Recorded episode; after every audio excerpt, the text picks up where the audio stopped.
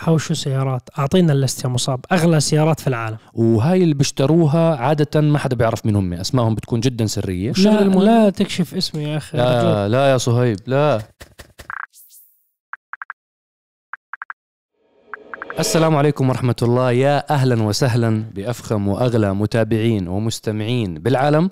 متابعين برنامج دردشة وحلقة جديدة من برنامج دردشة والدردشة 123 يا حي الله بصهيب. حي الله مصعب حي الله الجمهور. إن شاء الله البرنامج مستمر وعقبال ما نحتفل بالحلقة 500 مع بعض. للأسف اليوم كريم مش موجود معنا بس آه، عن جد صدقا برنامج آه، دردشة من البرامج الصعب صعب جدا والله. تصويرها. إنه وفق الوقت بين جدولي وجدول مصعب وجدول كريم لأنه كل واحد بيشتغل مرات برنامج هون برنامج هون وشغل هون. فسبحان الله ما زبطت يكون معنا كريم. إن شاء الله الحلقة الجاية بيكون موجود. إن شاء الله إن شاء الله. أنا على فكرة اللي بتابعوني على حسابي على الإنستغرام هي حسابي الظاهر أمامكم بتشرف متابعتكم آه اللي بتابعوني طبعا جمهور جيش دردشة أنا كتير من الشباب already بتواصلوا معي. آه إحنا بنصور بليلة ال- الخميس. هلأ كنت ب event مع شركة RM Sotheby's هاي بح- اللفظ تبعها شوي صعب ولكن الشركة عملاقة. RM Sotheby's لأول مرة بيفتحوا مكتبهم في دبي مكتب جديد للشركة. آه بدي أعطي المتابعين والمستمعين أول طبعاً. شيء شوية معلومات عن هاي الشركة لأنه هاي شركة عملاقة. أنا بحياتي بصراحة ما تصورت أنه تفتح بدبي لا أكون صادق معاكم. آه هاي الشركة معروفة أنه شركة مزادات على السيارات النادرة والغالية والفارهة واللي كتير كتير نادرة. طبعا قصة بدايتها قصة كفاح يعني ال- الشخص اللي, اللي بده يسمع القصة تبعتها. آه إن شاء الله هيك فيها فائدة للجميع إن شاء الله. طبعا أسسها شخص كندي. آه، بالبداية كانت عبارة عن جراج عبارة عن مركز restorations للسيارات وكان جدا شاطر بعملية إصلاح السيارات الفخمة والغالية. آه، طبعا اكتسب خبرات واكتسب ثقة كتير عالية عند الزباين تبعونه. فصارت شوي شوي تجي له السيارات الأغلى والأغلى والأغلى والأغلى. لو وصل لمكان إنه صار هذا عبارة عن brand عالمي. طبعا هي بالبداية الاسم تبع الشركة كان RM فقط من غير Sotheby's Sotheby's شركة استحوذت عليها بسنة ال 2015 Sotheby's كمان شركة عالمية عريقة جدا مشهورة باللوحات وال real estate والأشياء الفارهة. اندمجوا الشركتين مع بعض بسنة ال 2015 وصارت شركة كاملة RM Sotheby's آه هاي عملت إنجازات كتير رهيبة بعالم السيارات. أي شخص مهتم لو درجة صغيرة بأي سيارات كلاسيكية حول العالم أكيد بتعرف RM Sotheby's for sure لأنه أغلى سيارات بالعالم انباعت على مين؟ على إيديهم. طبعا طريقتهم بالمزادات اللي بيعملوها طريقة مميزة إنه الشخص المشتري بإمكانه يخفي هويته. هذه بتميزهم عن كتير من المزادات العالمية. يعني أنت هوية الشخص بتضل مخفية اللي اشترى السيارة. شو بتتوقع صهيب أغلى سيارة انباعت على الإطلاق من خلال RM Sotheby's هي actually هي أغلى سيارة بالعالم انباعت على الإطلاق. أول شيء شو بتتوقع السيارة وشو بتتوقع سعرها؟ آه، هم شوف سيارة من سيارتين في فراري وفي مرسيدس. ال SLR I think ال SLR. لونها silver Uhlenhaut ال edition. ال 300 SLR بس سيارة بس رياضية. هي أتوقع إنه كبيع للسيارة كان ريع خيري. هي كانت ريع خيري من خلال بس متحف مرسيدس. بس هي أغلى سيارة. بس هي أغلى سيارة بالعالم. شو بتتوقع سعرها؟ والله نسيت. غطينا الخبر بتذكر على العرب GT. هي انباعت على فكرة بال 2022 يعني السنة الماضية. لما كنت أنا؟ ب Concorso d'Eleganza بإيطاليا. كنت موجود هناك بس ما كنت بالحدث يعني. Villa d'Este. آه. عندهم على فكرة their own villa هم اسمها Erba Villa Erba تابعة ل RM Sotheby's آه السيارة سعرها يا طويل العمر والسلامة انباعت ب 135 مليون يورو مش دولار. يعني بما يعادل تقريبا 149 148 مليون دولار. يعني الفراطات هاي بنحكاش فيها يا جماعة. هاي يعني بسياره واحدة يعني. هاي سيارة واحدة. يعني شغل أسوي لكم حلقة يا شباب بدخلها. سيارات و finance شو بقدر أجيب collection سيارات بهذا المبلغ؟ شوف مي- 150 مليون دولار. يعني شوف أنت شو بتجيب فيه أكبر mansion بالعالم سعره يمكن 90 مليون. أكبر آه، هليكوبتر فخم يمكن كمان سعره 110 مليون. بتشتري ايرباص I think اي يخت. 320 آه، بتشتريها ب 110 مليون. هيك على ذاكرتي يعني الأرقام مش دقيقة 100% ولكن تقريبا approximate هيك. فتخيل سيارة المرسيدس إس إل آر 300 إس إل آر موديل 1955 طلعتها من مرسيدس من متحفها بفرانكفورت وعرضتها لأول مرة أمام الجماهير. وكان ال- ال auction أو المزاد عاملاه شركة RM Sotheby's اللي فتحوا هلا مكتبهم الإقليمي في دبي. طبعا أنا اليوم التقيت مع آه، كبار مدراء الشركة جلسنا تكلمنا اعطوني المخططات شو اللي بفكروا فيه. هم سعيدين جدا يعني هم ليش جايين على دبي لأنه صار حسوا إنه صار في ثقافة عامة بعالم السيارات. فمثلا حضروا ال event تبع Flat 12 صاير مثلا في زم... حبايبنا سهلاوي بنوجه له كل التحية هو الإخوان ب Flat 12 بيعملوا تجمع كل سنة للسيارات. طبعا هي الدخول تجمعات مجاني. مش تجمع. تجمعات بيعملوا بالسنة أكثر من تجمع. صار في نوعا ما في ثقافة في culture هيك للناس اللي بتحب السيارات للناس الهاوية للسيارات. صار في مكان إنك أنت كشخص عندك سيارة مميزة تطلع تاخذها drive تسوقها تس- تعرضها قدام الناس يجوا الناس يحكوا معك تسولف أنت وياهم. هذا قبل كان كلياته عبارة عن جراجات مغلقة. هلأ انفتح السوق نوعا ما. صارت الناس تشارك تطلع تعرض سياراتها. في ثقافة في event ات. طبعا المنطقة الخليج العربي فيه أربع جولات من سباقات الفورمولا 1 هذا حدث جدا مهم للناس اللي هم الزبائن RM Sotheby's زباينهم يعني بتحكوا مليونيرية. يعني واحد شرى سيارة ب 100 almost 150 مليون. فتخيل أنت كمية السيارات اللي باعوها RM Sotheby's وغيرهم بالمزادات. حوشوا سيارات. أعطينا ال list يا مصعب. أغلى سيارات في العالم. أعطيك أغلى أغلى 10 سيارات بالعالم يا جماعة. أنا طبعا فاتح الموبايل لأنه حاطهم لستة كاملة. أول وحدة المرسيدس 300 SLR Uhlen Uhlenhaut بعرفش الفظ الاسم تبعها. ألماني. هذا اسم ألماني للرئيس كبير مهندسين شركة مرسيدس بالخمسينات. هذا الرجال عملوا فقط سيارتين. فقط وشاركت بسباقات وفازت وتحققت أرقام وهلا راح نحط لكم صورها. آه، السيارة الثانية تدخل على ال list بقوة سيارة الفراري 250 GTO. طبعا كانوا عارضين سيارة كانت أغلى سيارة بالعالم. أغلى بفترة. سيارة كانت بالعالم. قيمتها انباعت ب 70 مليون دولار. طبعا الإشي الغريب بين المرسيدس SLR والفراري 250 GTO إنه لما بدأ المزاد على المرسيدس كان لما فتحوا المزاد كان أغلى من 70 مليون. لما wow. افتتحوه. هاي رقم اثنين. رقم ثلاثة برضه فراري 250 GTO طبعا إصدار مختلف انباعت ب 30 مليون و750 ألف pound يعني تقريبا 38 مليون دولار و115 ألف دولار. يعني بنحكاش فيهم الالافات بنحكاش ما بدنا. نركز عليهم الالافات أعطوني إياهم الألفات أنا موافق. رقم أربعة باللستة اللي معانا وبرضه شركة فراري فراري 335 Sport Scaglietti انباعت ب 35 مليون و700 ألف دولار. المركز الخامس مرسيدس تعود بقوة بال W 196 انباعت ب 29 مليون و600 ألف دولار. المركز السادس تعود فراري فراري 290 MM انباعت ب 28 مليون و50 ألف دولار. المركز السابع برضه للفراري فراري 275 جي تي بي ان اي ار تي سبايدر نارت سبايدر انباعت ب 27 مليون ونص.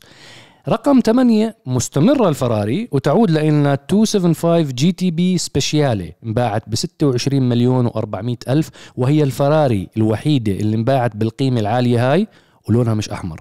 هاي يعني شو لونها؟ لونها آه، رمادي gray هلا بنحط لكم صورهم طبعا للسيارات. آه، رقم تسعة تدخل لنا على الساحة الجاكوار D-Type. آه، الجاكوار D-Type انباعت ب 21 مليون و780 ألف دولار. هذا رقم تسعة. المركز الأخير تدخل إلى الساحة الأسطورة الإيطالية ألفا روميو 8 C. Lungo Spider. هاي سيارة طبعا آه، قديمة كلاسيكية آه، انباعت ب 19 مليون و800 ألف دولار. هاي قائمة أبرز وأغلى عشر سيارات انباعت بالتاريخ حتى يومنا الحاضر. آه، حتى يوم تصوير حتى الحلقة. يوم تصوير الحلقة. آه، طبعا الجماعة هم مشهورين جدا أغلب سياراتهم ل RM Sotheby's بتكون مشاركة بدائما Concorso d'Eleganza آه، بتشارك بالمعارض الفخمة Pebble Beach آه، أغلب السيارات تبعتهم ومركز الصيانة تبعهم ال restoration اللي بلشوا فيه ال business لهلأ موجود ويعتبر هو من أهم مراكز الصيانة للسيارات اللي بالقيم هاي بالعالم. يعني هو إذا بكتب شهادتها من عنده إنه هاي restored ومعمولها صيانة بيرتفع سعرها.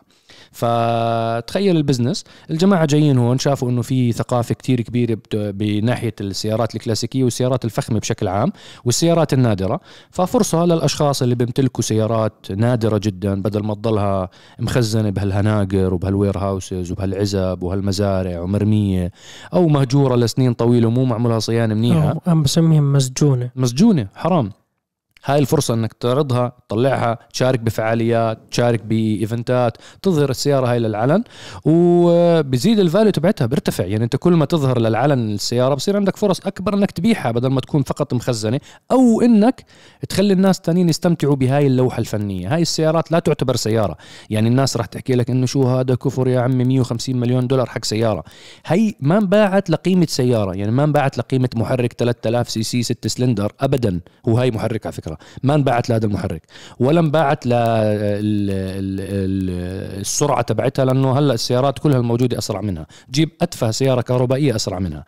هاي انباعت لأنها هاي عبارة عن لوحة فنية. تاريخ. هاي تاريخ وهي لوحة فنية.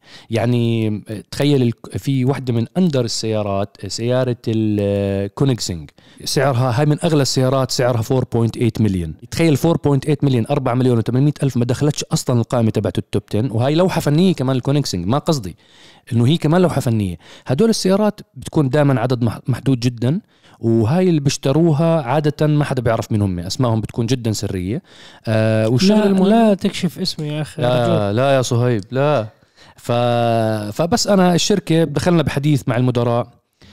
حكينا أنا وياهم جايين بخطة توسعية جميلة جدا. راح يكون في عندهم هب بدبي ولكن هم النظره تبعتهم للسعودية وقطر والكويت وعمان والبحرين لأنه في عدد كتير كبير من ال car collectors اللي هم أصلا زبائن ل RM Sotheby's في السنوات الماضية كاملة. فهلأ قربوا أكثر لزبائنهم. هي حتى مصعب تعقيب يعني دبي تعتبر مدينة عالمية بأعلى المعايير عدد كبير من أغنياء العالم موجودين وعايشين ولهم hub وتواجد في دبي حتى لو هم مو عايشين بس عندهم بيوت عندهم قصور عندهم سيارات عندهم collection من السيارات. فهذا الشيء يعني بيكون آه، نظرة جيدة بالنسبة للشركة هاي تكون متواجدة هون. ولأنه في عدد كبير من السيارات زي ما أنت قلت حول العالم النادرة والغالية جدا يتم شرائها من خلال أشخاص موجودين في المنطقة عندنا. الله بارك وزيد في نقطة جوهرية بدي أحكي فيها. إنه في عدد ناس من الناس بقول لك أنت كيف تشتري سيارة ب 100 مليون دولار مثلا؟ أنت لازم كيف حلقة رأس براس اللي هي كانت لامبرجيني أوروس نعم. ضد الاستون مارتن DBX 707 أنت لازم تحط حالك بمكان الشخص اللي شرى هاي السيارة.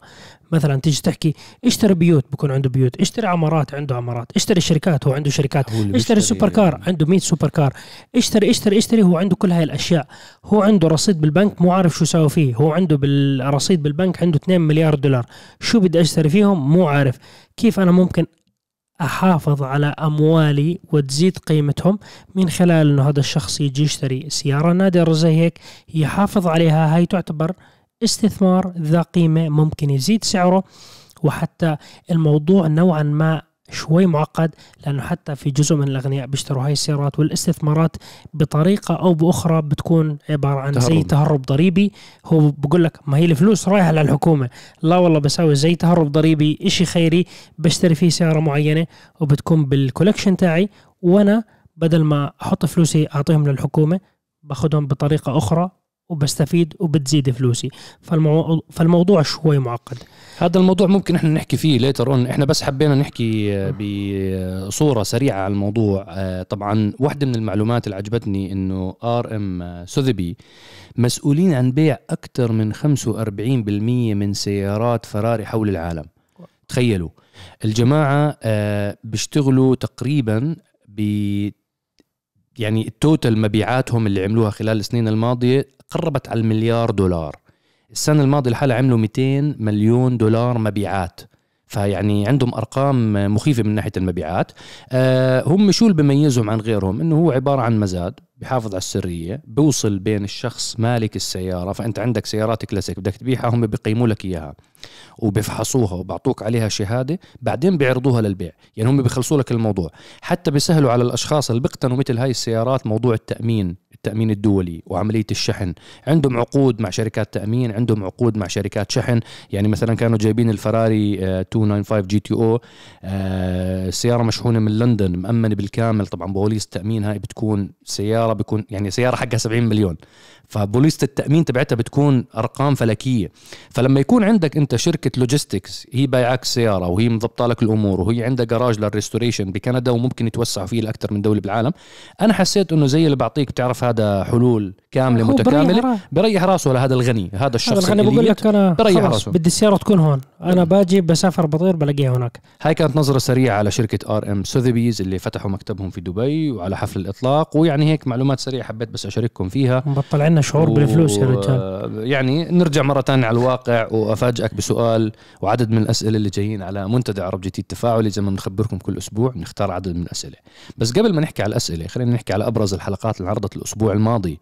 نزلت حلقة special car من موسم العراق نزلت حلقة دوج تشارجر هيلكات بعالم الألف حصان تعتبر أقوى سيارة في شمال العراق إقليم كردستان. آه، حلقة طربية حلقة فيها ونين فيها أكشن أصوات جميلة وبخور. كانت حلقة مميزة الصراحة والسيارة بحالة ممتازة جدا. صاحب السيارة يعني صراحة مهتم جدا بسيارته الله يبارك له فيها. ما شاء الله. فكانت حلقة طربية من العراق. بعدين نزلت حلقة كريم مع test drive وسيارة النيسان باث فايندر آه، اعذرونا ما نزلنا لكم حلقة تغطية خاصة على قناتنا الرسمية الأسبوع هاد. في عنا هيك شوية تأخير بالمونتاج ولكن إن شاء الله الأسبوع الجاي بنعوض لكم إياها بإذن الله.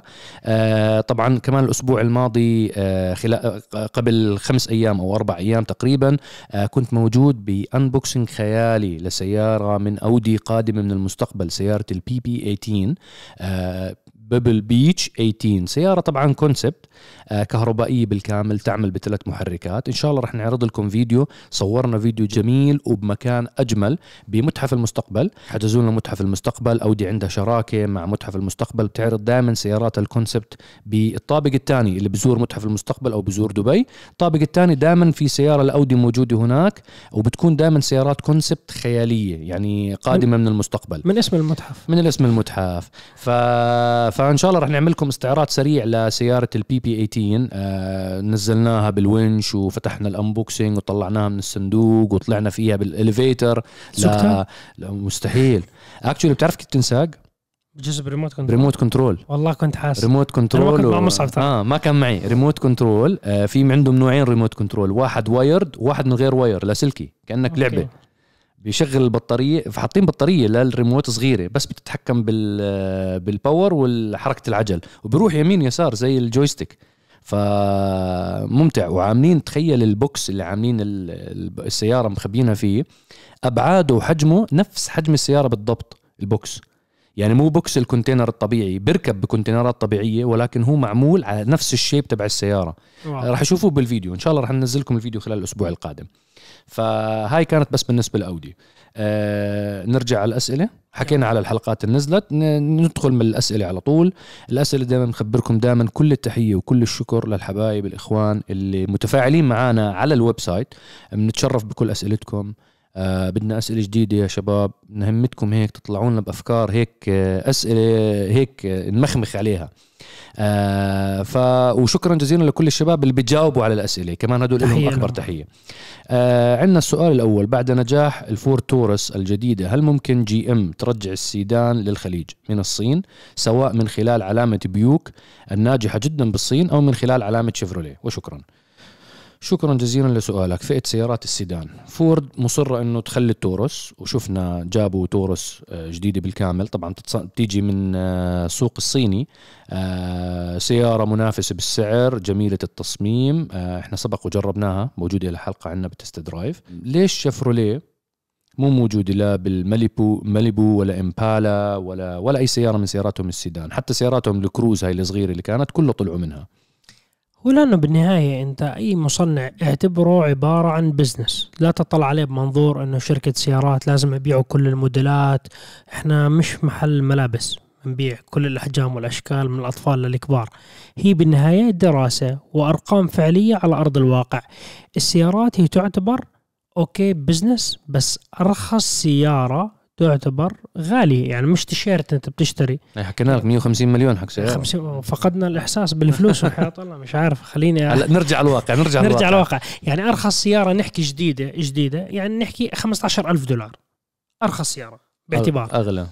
هي راح تكون أغلى بس يعني إنه سيارة صغيرة متوسطة يعني صغيرة كتكوتها لا نحكي بالسيدان. أنا أنا ب- أنا كان, السؤال لا، على التورس وهدول لا، ما لا، في. أغلى واحد يمكن 20 يعني أنا قصدي هاي. أنا قصدي نبلش ب 15000 إنه اصغر. اصغر أصغر آه، ف- size فإحنا أجزمنا إنه سعر أرخص سيارة سع- سعر لا يستهان فيه. يعني مش أي واحد آه، بيجي بده يشتري سيارة استثمار. تقول بيشتري موبايل قاعد آه والله هات لك واحد موبايل الأمور طيبة. أبو فبالنهايه قبل اللي اشترى ال SLR بيشتريها هيك. عن جد. الله. آه. ولا فارقه معه. لو قالوا له 200 مليون عادي.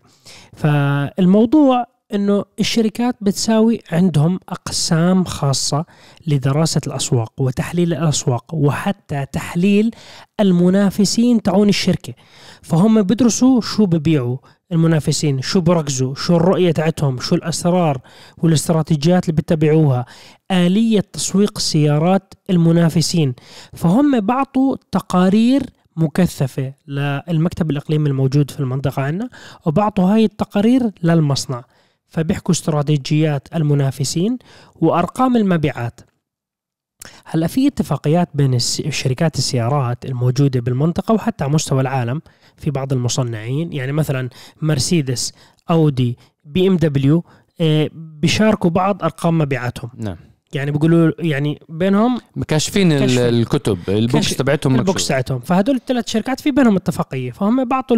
أرقام بعض مشان يساعدوا بعض هم يعني تحالف ألماني قوي فهم بتطلعوا لما يشوفوا في انخفاض حاد جدا في أرقام مبيعات السيارات السيدان سواء كانت متوسطة أو صغيرة والتوجه والارتفاع بيكون عالي جدا. في سيارات معينة مثلا سيارات. ال crossover SUV سيارات عائلية سيارات خمس ركاب ثلاث صفوف سبع ركاب ثمان ركاب. فهو بالنهاية الهم الأول والأخير لأنه كل المكتب الإقليمي اللي بيمثل الشركة همه الأول والأخير مبيعات أرقام. لأنه كل ما ارتفعت الأرقام يعني الشركة ربحانة. كل ما انخفضت الأرقام يعني الشركة خسرانة. الشركة في بعض المرات بتيجي بتقول إنه إحنا ويا جماعة الخير مركزين على هذا الإصدار والموديل لأنه مثلا حطينا فيه إيه تعبنا فيه تكنولوجيا هذا ال brand هاي السيارة المعينة مفروض تبيع لأنه إحنا سوينا دراسة كثيفة جدا إنه هاي راح تبيع بالمنطقة عندكم. إيه فهم بركزوا عليها. بتحط بتلاقي إنه كل الميزانيه انحطت عليها. فهاي بيكون مسوي لها دراسة عميقة جدا. بيجي بقول ممكن تكون هاي السيارة بتربح كثير هاي السيارة الكبيرة بتربح قد ثلاث أو أربع سيارات سيدان. فبقول لك يعني أنا okay باخذ بضحي بسيارات سيدان ما بدي إياهم لأنه ما ببيعوا كثير وبروح للسيارات الكبيرة. تاهو تاهو، يوكون يعني- ال pickup trucks هلا حتى بده يدخلوا بالفئة المتوسطة. على الأغلب الفئة صغيره من ال pickup trucks فهي بقول لك إذا كل يعني أغلب المبيعات لهاي السيارات. ليش أنا أتعب حالي بالمنافسة الشديدة؟ والصينيين داخلين والكوريين موجودين واليابانيين موجودين كلياتهم بتحاربوا بهاي السيارات السيدان الصغيرة وربحها قليل فأنا خليني أروح على الإشي المحرز على الإشي تط- الغانم. تطلعش على الرز تطلع على الهبرة. طلع على اللحمة. قاعد تاكل رز يا عمي. كل اللحمة إلا إذا تكون فيجيتيريان فمش عارف شو أقول لك مثال يعني. فهم الشركات تسعى بالنهاية لتحقيق أرباح. كل ما زادت الأرباح الشركة الكل مبسوط المدير الإقليمي بكون مبسوط وكل المدراء التحتية بكونوا مبسوطين. هذا هذا الكلام صحيح صهيب ولكن أنت كمان بقطاع السيارات يعني ندخل أنا وصهيب هيك بجدال خفيف. تشوفوا بعض النقاشات اللي بتصير وراء الكواليس. هلا كلامك أنت على عين والرأس كلام جميل ومنطقي. هلا بس السوق بيحتم عليك النظرة بطريقة مختلفة. أنت في عندك شيء اسمه market share أنا شو حجم مبيعاتي؟ مقارنة بالموجودين المنافسين. يعني لما تشوف أنت مثلا فورد بتحافظ على المرتب السابع بالمبيعات. مثلا على مستوى الشرق الأوسط أعتقد السابع أو السادس فورد. بدهم يحافظوا على المركز هذا بأي طريقة ممكنة. فمستعد هو يجيب تورس يستوردها من الصين آه، يخفف من من المواصفات ال- الموجودة فيها مع إنه مواصفاتها جدا جيدة اللي جايبينها بصراحة وهي مش دعاية يعني. أنتم شوفوا الحلقة وبتشوفوا بتحكموا. أو شوفوا الديلر عندكم ببلدكم شوفوا شو جايبين التورس هو شايف إنه بالنسبة له هاي بتحافظ له مثلا على 6% من إجمالي المبيعات اللي هو مثلا بتوصل آه، 2% من overall كل مبيعات شركات السيارات. okay. فهو بده يحافظ على ال market share هاي. حتى لو كلفوا الموضوع إنه آه، هي واحد ماركت شير والشغلة الثانية الخطيرة جدا بالنسبة لصناع السيارات كمان الصيانة. أنت ال dealer بده يعمل عقود طويلة مع شركات تأجير مع شركات. سفريات مع تبعون التكاسي مع هدول. هدول هدول بربح. هذا الصيانة كتير بتشتغل عليها. فحلو إنك تركز على الهبرة بس تاكل كتير هبرة رح تصيبك نقرص فأنت لازم تمكس مع الرز عشان ما- تعرف طعم اللحمة. ما هو أنت شوف لو أنت تسيب الموضوع بدون تدخل الحكومة صدقني ما راح يجيبوا سيارات الصغيرة لأنه في قوانين من الأنظمة إحنا بنحكي بسوق الخليج. في عندهم عدد معين من الانبعاثات. بسوق الخليج الشركة نعم. ما بتقدر أنت تجي تجيب لي شركة نيسان تبطل تجيب ولا أي سيارة نيسان صحيح. لا صني ولا تيدا ولا سنترا ولا ولا ولا ولا كل هدول الصغار ولا ميكرا وبس ببيع نيسان باترول بقول لك أنا ببيع باترول أحسن لي من كل هدول الصغار شو بدي فيهم فبيجي القانون الموجود في أسواق الخليج إنه بقول لك عندك نسبة انبعاثات معينة فهم مش بس نيسان الكل أنا أعطتني نيسان لا لا. هي هي موجود هذا السعودية متشددين فيه حتى متشددين. بالسعودية معروف هذا بالسوق في المواص... هيئة المواصفات والمعايير طالبة نسبة معينة من الانبعاثات أنت بت... وعاملين فورمولا مثلا شيفروليه كانت تبيع سبارك بخسارة مقابل إنه تبيع تاهو يعني هي 100%. هذه f- facts فهي مرات الشركة تيجي بتقول لك أنا بدي أجيب مشان أبيع 500 شفرليه تاهو أنا بقدرش أجيبهم ضربة واحدة shot واحد لأن الحكومة بتوقفني أنا بجيب 500 تاهو. وبجيب 50 سبارك أو 100 سبارك ببيع السبارك بال cost. أقول لك بخسر بكل سبارك 1000 دولار 2000 دولار ما بدي إياهم. وإذا بتجيني واحد تاع تاجير سيارات بقول له تاخذ لك 50 سبارك 100 سبارك وبسوي لك خصم خيالي. بس اطلب هلا على السريع خذهم كيشهم اعملهم تأجير مقارنة إنه دليفري يجيب السيارات الثانية بمحركات كبيرة. هذا المثال على شفرليه على فورد على نيسان على تويوتا كلياتهم. فكتير من السيارات الصغيرة أو السيدان المتوسط بيجيبوه الشركات وبيبيعوه بخسارة بس مشان إنه أخلص من قصة ماشي. الانبعاثات وأبيع. وهاي راح ينشد عليها بالفترات القادمة. عشان هيك عم بتحولوا كهربائيا عم بيحاولوا يزيدوا من ال market share تبعهم بالكهرباء لأنه الكهرباء بعطيهم incentive كتير أعلى بيعمل balance كتير قوي مع محركات ال V 8 مشان هيك إحنا أصلا بنشوف كتير كهرباء. ومشان هيك إحنا بنشوف المصنعين لامبرجيني فراري بو hybrid كله لازم كله يحط رايح hybrid. على ال hybrid ليش؟ لأنه ال hybrid بقول لك أوه الانبعاثات بتقل. يعني في option أكثر option بكرهه بعالم السيارات والمحركات. عرفته. أكثر option بخرب السيارات.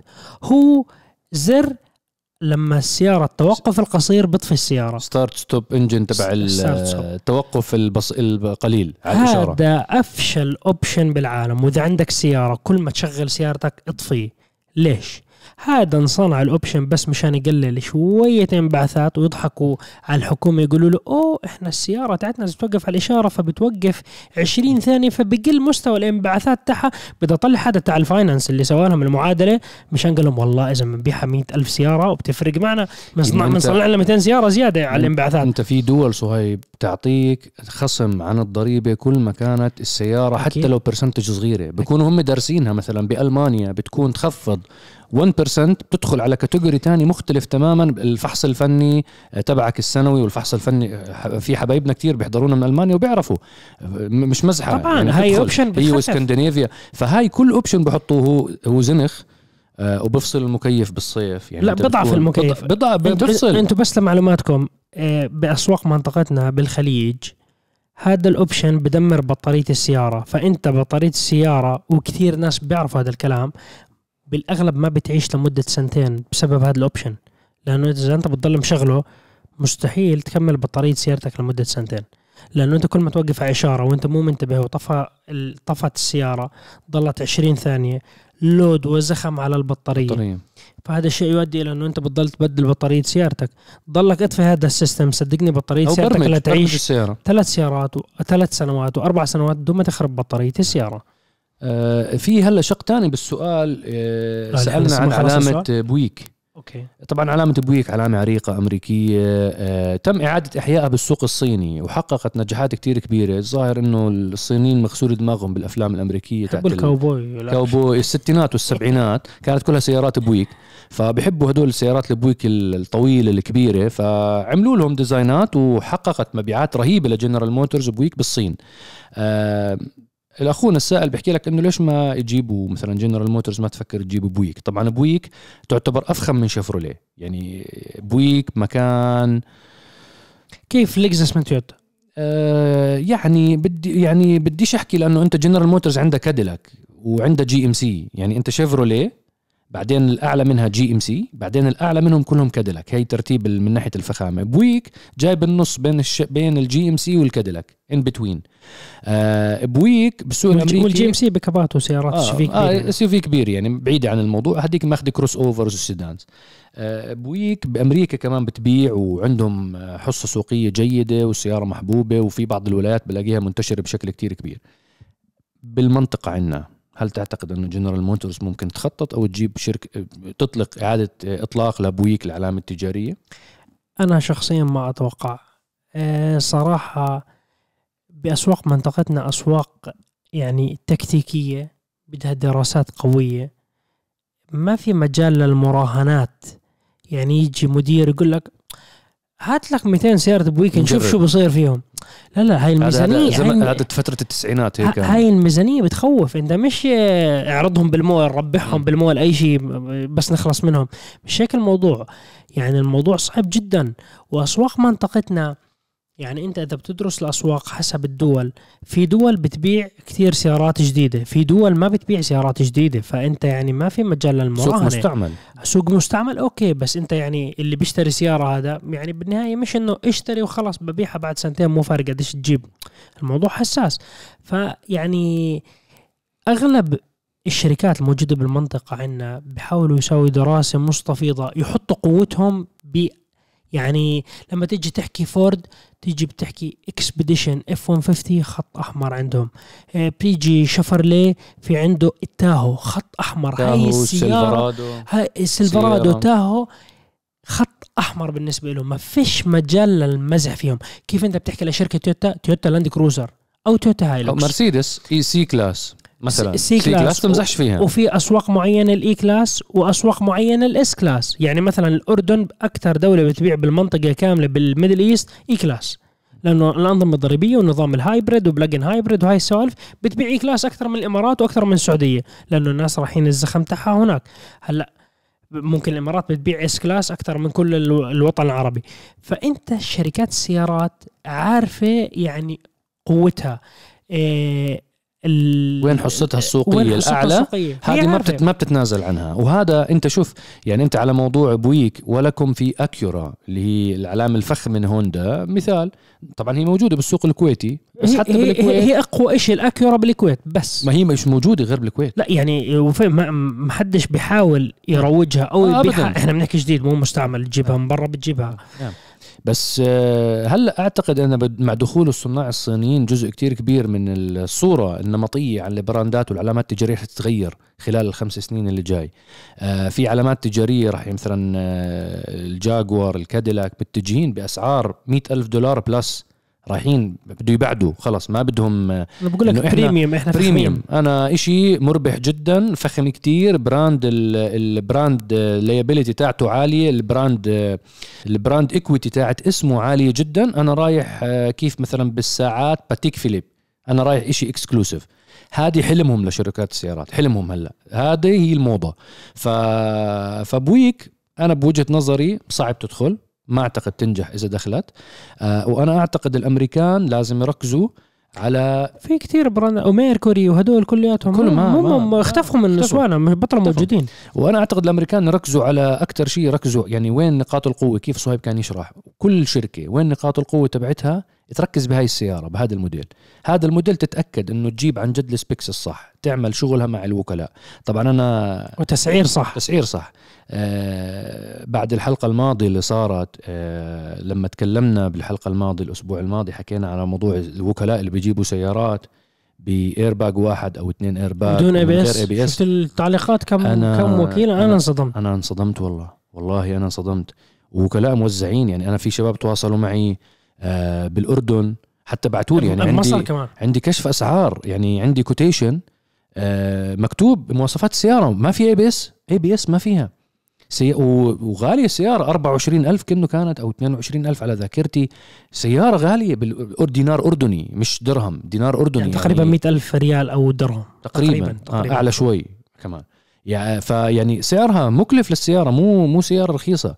وبنفس الوقت تطلع آه، شفت مسجات من تونس من مصر من العراق آه، من لبنان من الأردن يعني عدة أشخاص. فشغلة جدا غريبة بصراحة على الوكلاء. أنا ما توقعت أنه الموضوع هذا منتشر للدرجة هاي.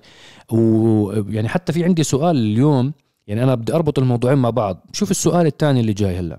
عشان مو مو عارف أنا مع معقول الوكلاء للدرجة هاي إنه فالت الأمور إنه ما في هيئات رقابية عليهم أو هيئات المواصفات والمقاييس يا جماعة أو هيئة مك... شو اسمها هاي الغش التجاري. في بكل دولة فيها الهيئات موجودة. شوف السؤال رح أسألك إياه عشان تنصدم غير ال ABS وغير الايرباج بعض الوكلاء يقوم بإجبار العميل على تعبئة وقود عالي الجودة أوكتان 95 فقط ويقوم بربط هذا باستمرارية الكفالة. على السيارة المباعة. علما بانه السيارة هي كيا بيجاس موديل 2023 محرك 1400 سي سي عادية الصغيرة. مش تيربو أصلا. آه ولا تحتوي على تيربو ما فيها إشي ما فيها أي تقنية. ليه بيجبروا؟ إنه لازم إذا ما بتحط 95 إذا بتحط أقل من 95 آه، بتروح عليك الكفالة. على إيش بتحكي؟ أنت كيف أنت وكيل بتفرضها؟ بفرضها إذا كان مثلا أقل من 88 هذا المانيوال العالمي صار بس مش 95 على محرك زي هيك. ف هم شوف آه، نحكي شقين. الشق الأول نحكي تكنولوجيا ومحركات. هل الشخص اللي بيستخدم بترول أفضل بنسبة الأوكتان وأعلى بنسبة الأوكتان بيستفيد وبوفر بترول؟ هلأ أنت موضوع توفير البترول يعتمد على البسوق بشكل كثير كبير. السيارة قد ما يكون فيها تقنيات إذا أنت بتسوق بطريقة خاطئة راح تسحب بترول. السيارات الحديثة نظام الاحتراق فيها بيجي بقول لك حقن مباشر للوقود فآلية الانفجار وطريقة يعني تدخيل آه، بخ البنزين بخ البنزين داخل غرفة الاحتراق والانفجار تاعه آه، حساسة جدا. واحتراق عالي جدا بغض النظر عن حجم الماكينة. حتى لو سياره بيقول لك 120 حصان بس في طريقة للانفجار لهاي الماكينة مشان تولد طاقة بهذا المقدار. فأنت كل ما أعطيت السيارة بترول جيد انفجاره جيد ممتاز جدا بكون أفضل. وكل ما كان الانفجار سيء والأوكتان ضعيف وما في تبريد لغرفة الاحتراق بصير في مشاكل. صهيب أنت بتحكي على سيارات حديثة. بس أنت أنا كيا بيجاس هاي هذا لا المحرك كيا عاملاه من عشر سنين. هذا هذا محرك. هذا المحرك عنده 100 إحنا إحنا بس مشان نسوي الشقين الشرح. بس انت, أنت هذا المحرك أنت أول شيء يعني أنت ما بيقدر يثبت الوكيل إنه نسبة البترول الموجودة داخل السيارة أقل من 95% أوكتان.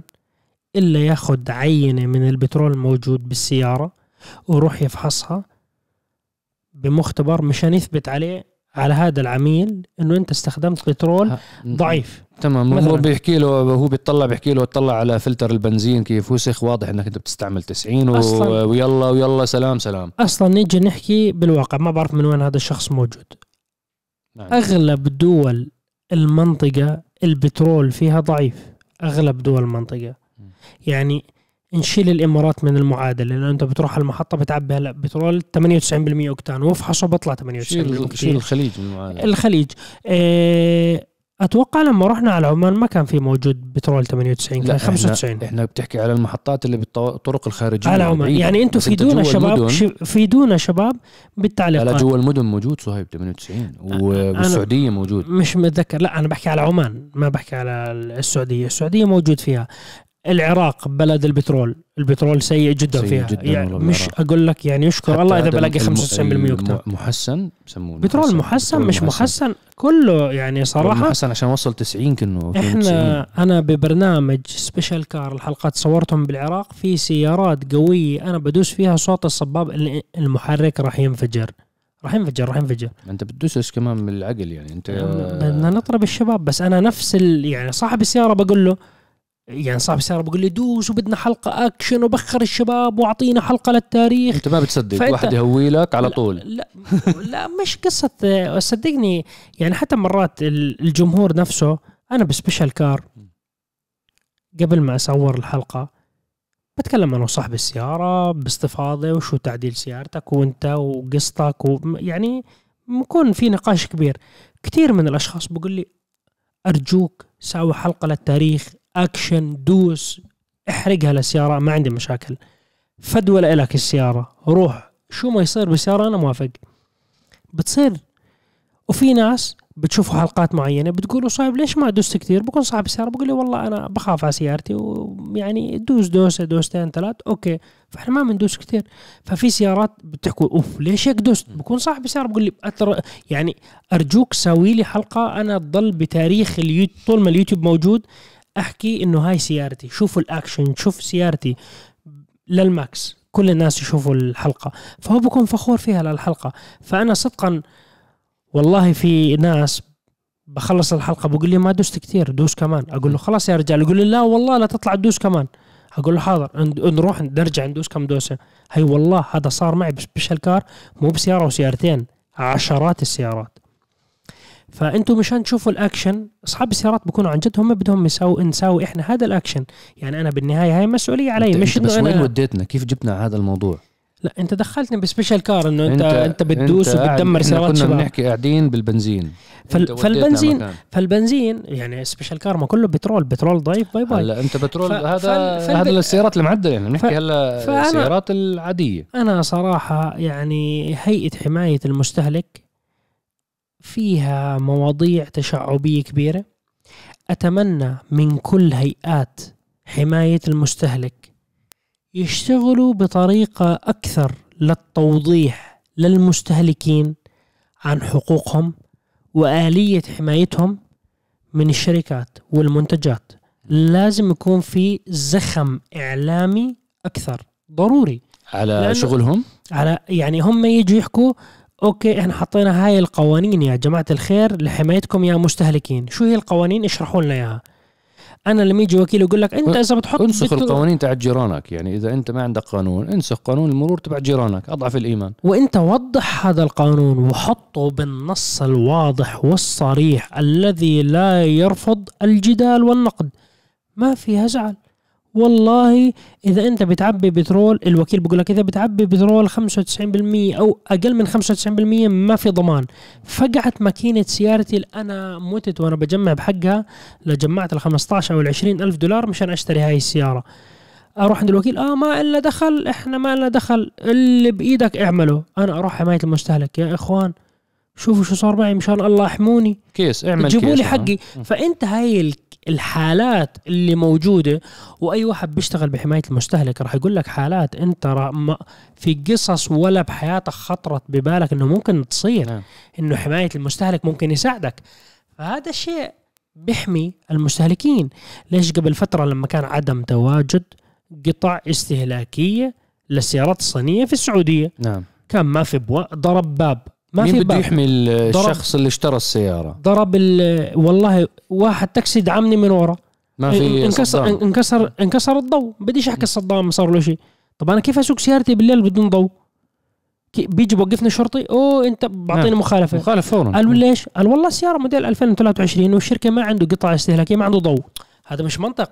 فاجت حماية المستهلك بالسعودية قالوا أوه وقف الحبيب. هذول مواطنينا الاعزاء كل سيارة بتنباع بده يكون عندك ستوك لقطعها متوفر. فهيك حموا المستهلكين تاعونهم. فحماية المستهلك يجب عليهم توضيح هاي الأمور والشغل بطريقة أسرع وأكبر وأوضح لحماية الجمهور. نعم. أنا هذا رأيي الشخصي. عشان تنحل هالمشكلة. تمام تمام. يعني انت بدي احكيها أنا بلغة ثانية يعني أنا بعرف الشباب صريح زيادة.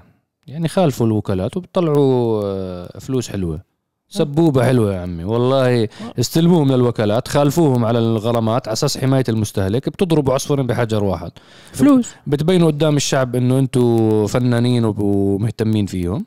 وبنفس الوقت كمان بتدخل فلوس من الوكالات. كل مخالفة تاك تاك بتطروا غرامة مالية. غرامة مالية بس؟ طب ما هاي القطعة لما تيجي ما في عليها جمرك آه. أحلى آه. فلوس آه. كمان يعني كمان. حلوين. يعني شباب نفكر بطريقة عكسية يعني.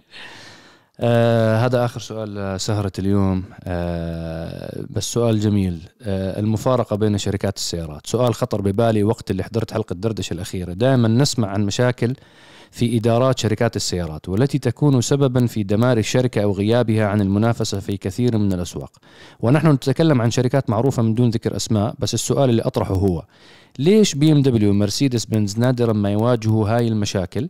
لا بالعكس دائما في الصدارة بين الشركات ومبيعاتهم في تزايد مستمر.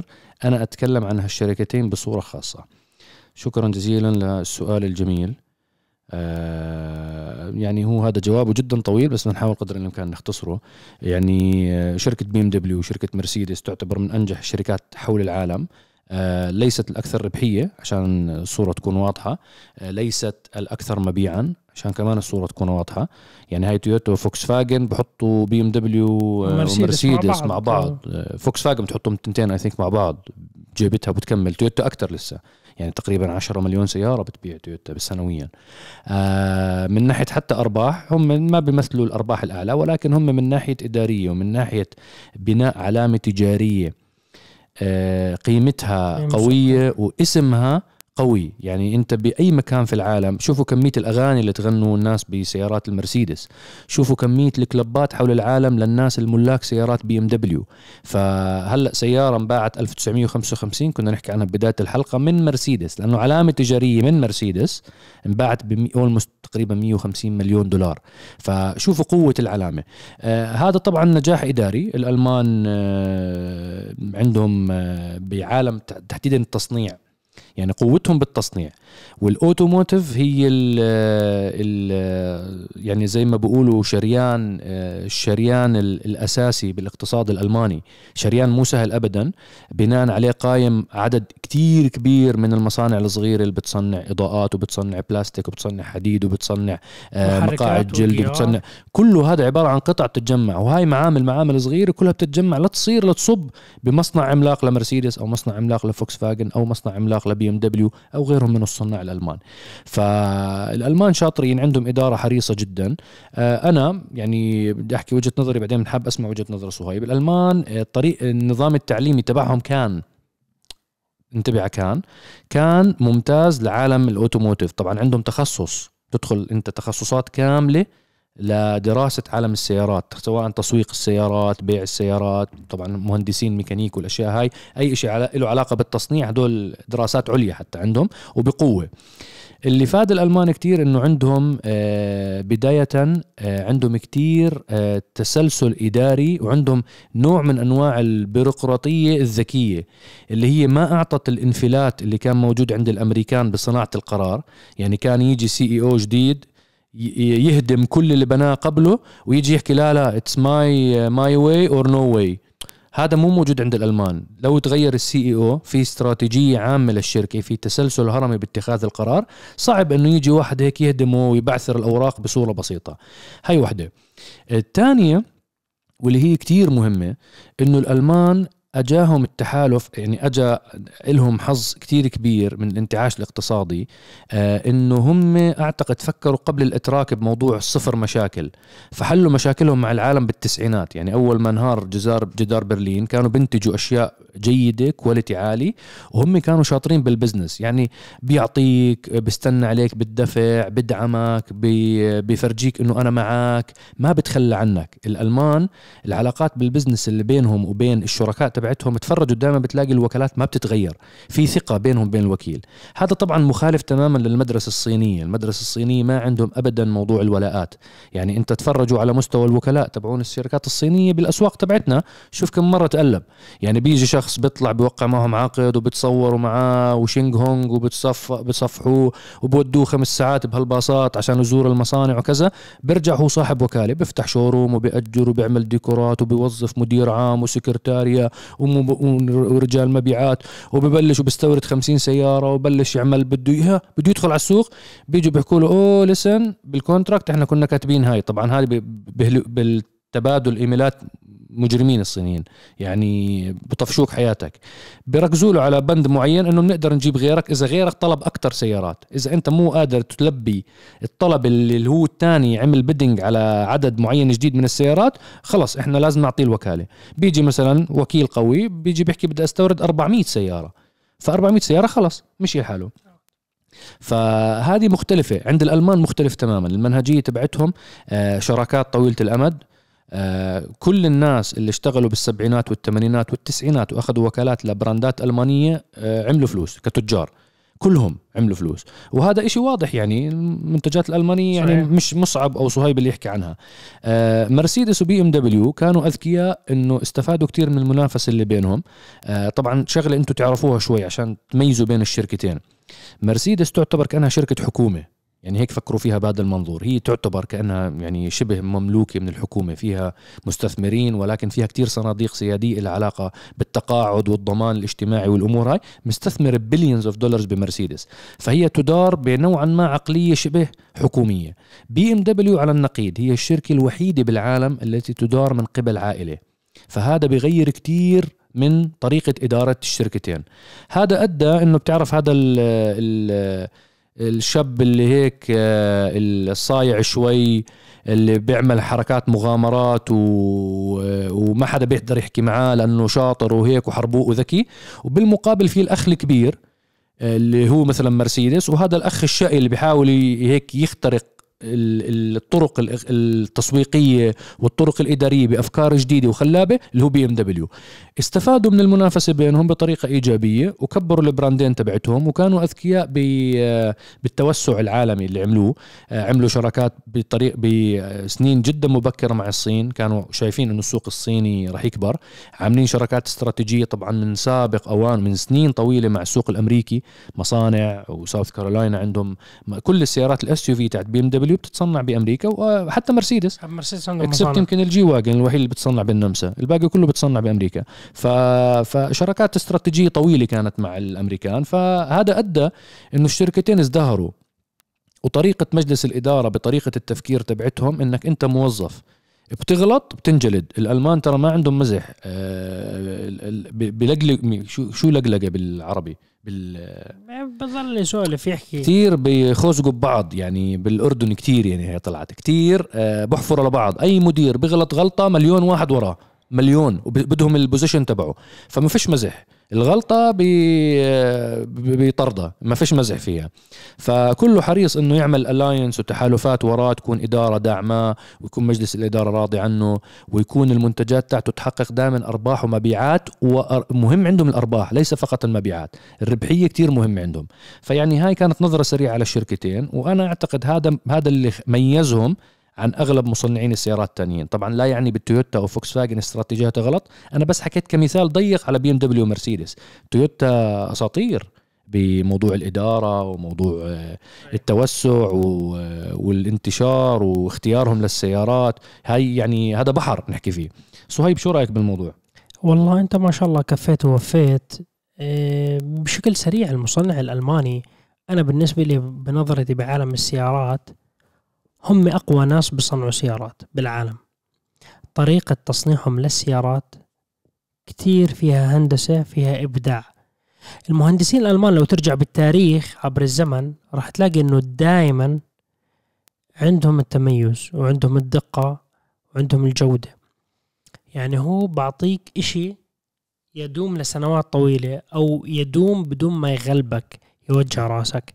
يعني انت اذا ما بيهمه البيع السريع اللي هو بجودة يعني هو عكس المدرسة الصينية بيع كتير وأربح قليل وجودة نصكم بعد سنتين تخرب هو لا. هو طبعا بحكيش على السيارات بحكي على كل شيء حتى خلاط. يعني جسور. آه، إذا بترجع أنا بحب الأشياء العسكرية والحروب العالمية والتاريخ وهي الاشياء إذا بترجع للحرب العالمية الثانية وتاخذ من ناحية التصنيع العسكري اللي كان موجود عند ألمانيا.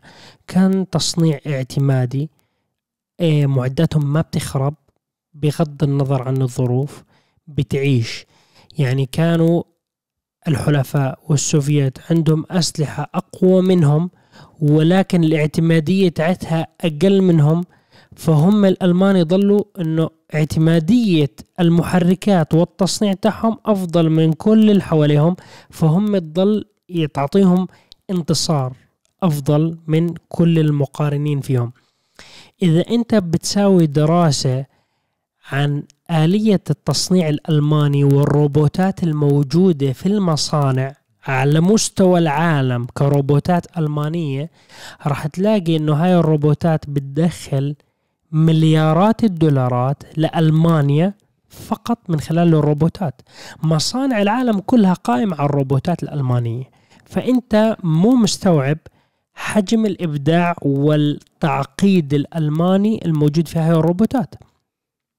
صدقا ألمانيا اقتصادها بقوم على الروبوتات. لو ما يصنعوا سيارات الروبوتات اللي بتصنع اللي بتشغل مصانع العالم بيعيشوا منها المانيا لا كامل. أعتقد موضوع السيارات خطير للاقتصاد تبعها أكيد خطير آه بس خطير. انت الناس هاي الجملة اللي حكيتها إنه الروبوتات قديش بتطلع فلوس لألمانيا؟ هم هي. بتطلع أرقام مو طبيعية. ألمانيا مشهورة جدا هي مصنع المصانع. يعني أنت المصانع الصينية ليش في دائما اتفاقيات تجارة ودائما بالصين تتعاون كثير مع ألمانيا وألمانيا مفتوحة لها السوق الصيني وداخلين بقوة واستثمارات وشراكة استراتيجية مع بعض؟ شو السبب؟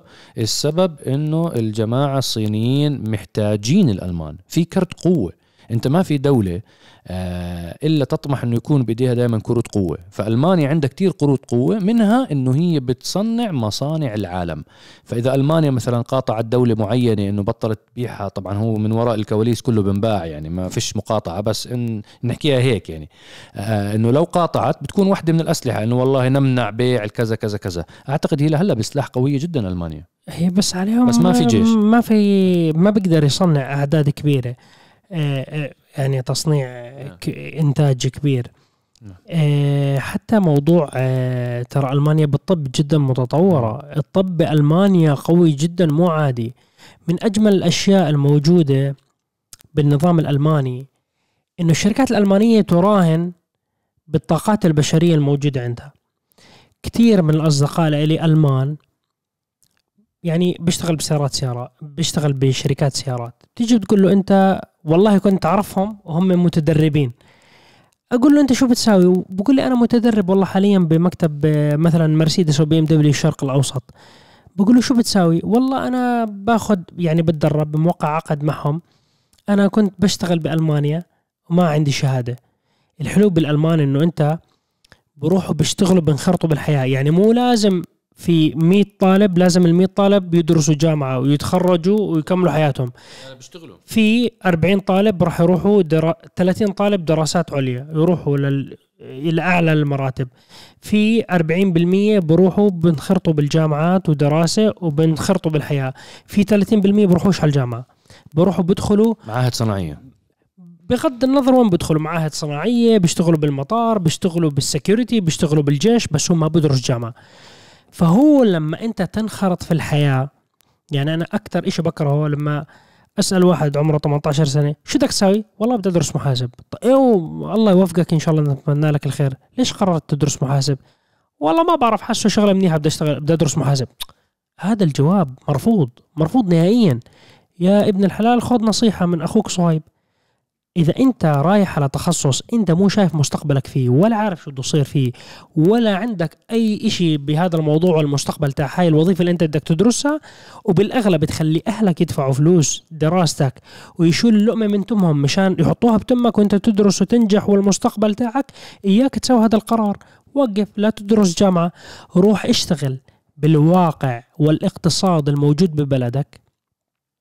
تاخذ فكرة عن الشغل تاخذ فكرة عن هيكلية الشركات وآلية عمل الشركات والتسلسل الوظيفي بالشركات وممكن تشتغل شوي هون شوي هون شوي هون يصير عندك نور وبصيرة أوه والله أنا بشوف نفسي مهندس كمبيوتر والله أنا بشوف نفسي بدي أدرس graphic design أنت بتشوف إشي الي في حالك آه. هي أنا م- بؤيد صهيب وهي حتى أنت لو ما اكتشفت أنت شو ذاتك بتكون عرفت لما اشتغلت هاي السنة أو السنتين وتركت الجامعة بتكون عرفت قيمة الدرهم والدينار اللي. أهلك رح يصرفوه عليك بالجامعة ف... ف- فأنا بدي أكمل آه. القصة فهدول الألمان بيجي بقول لك إنه أنا بلشت أشتغل مع شركة مرسيدس فشركة مرسيدس بتساوي عقود مع هدول الأشخاص بتيجي بتقول له إنه أنا بصرف عليك دراستك الجامعية وانت قاعد بتشتغل عندي يعني انت بتدرس جامعة وبتشتغل عنده بنفس الوقت بشرط تضل ناجح بالدراسة بتاعتك وتقدم أوراق إنه انت ناجح وأنا بوقع معك عقد يعني أنا بدرسك الجامعة تاعتك مجانا وانت بتشتغل عندي بهذا الراتب وراتب مش إنه فيش لك حقوق لك حقوق ولك تأمينات صحية وبدل مواصلات وبدل سكن نعم. في موجود يعني بتعيش حياة كريمة ومقابل أنت بس تخلص من الجامعة بدك تشتغل وتعطينا إبداعك وإنت التعليم تاعك اللي استفدت منه تعطينا خبراتك مثلا بعقد لمدة خمس سنوات بشركة مرسيدس أو بي إم دبليو. بعديها بدك تمدد وتكمل دراسات ممكن نساوي ديل مع بعض وتضل أنت مستمر معنا. فشوف كيف إن هم بيشتغلوا على الأشخاص مشان والله شريت الولاء تاعك ونستمر مع بعض ونتطور مع بعض. وتكون مرتاح نفسيا وأنت شايف آه، نفسك بال يعني بالسلم تاع الطبقات الاجتماعية أنت ترتقي وتنتقل للأعلى وإحنا مراهنين عليك وكسبانين فيك بدهم بدهم بدهم موظفين يكونوا فخورين وين هم بيشتغلوا. هاي هاي النجاح. هاي النجاح. وهاي ما تنسى أنت هاي شركات صارت multinational عالمية فما في مزح. يعني هاي العلامة التجارية أي علامة أي شركة سيارات هدول أنت brands عالمية ما ما بدهم وجع راس مع الموظفين ومع الهيئات الاتحادية تاعت النقابات العمالية والأمور هاي.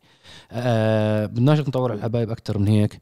آه إن شاء الله أنا راح أكون اليوم لما تحضروا الحلقة أنا راح أكون إن شاء الله مسافر على موناكو إن شاء الله عندي تغطية راح تكون مع شركة نيسان مع فريق الفورمولا إي لشركه نيسان.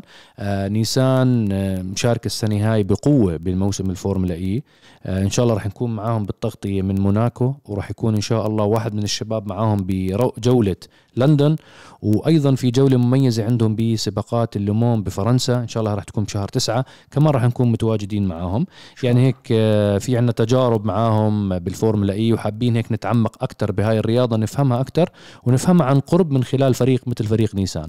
فإن شاء الله تابعوني على حسابي أو حساب عرب GT. إن شاء الله نصور لكم شوية ستوريات نفرجيكم الحدث نحاول نغطي آه، شو الفعاليات اللي صايرة بموناكو بهذا الموضوع.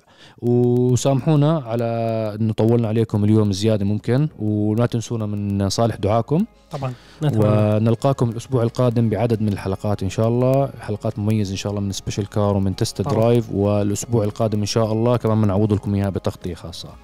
آه تحياتنا لكم اينما كنتم. أفخم مستمعين وأفخم متابعين. نلقاكم الأسبوع القادم بإذن الله. السلام عليكم. في أمان الله.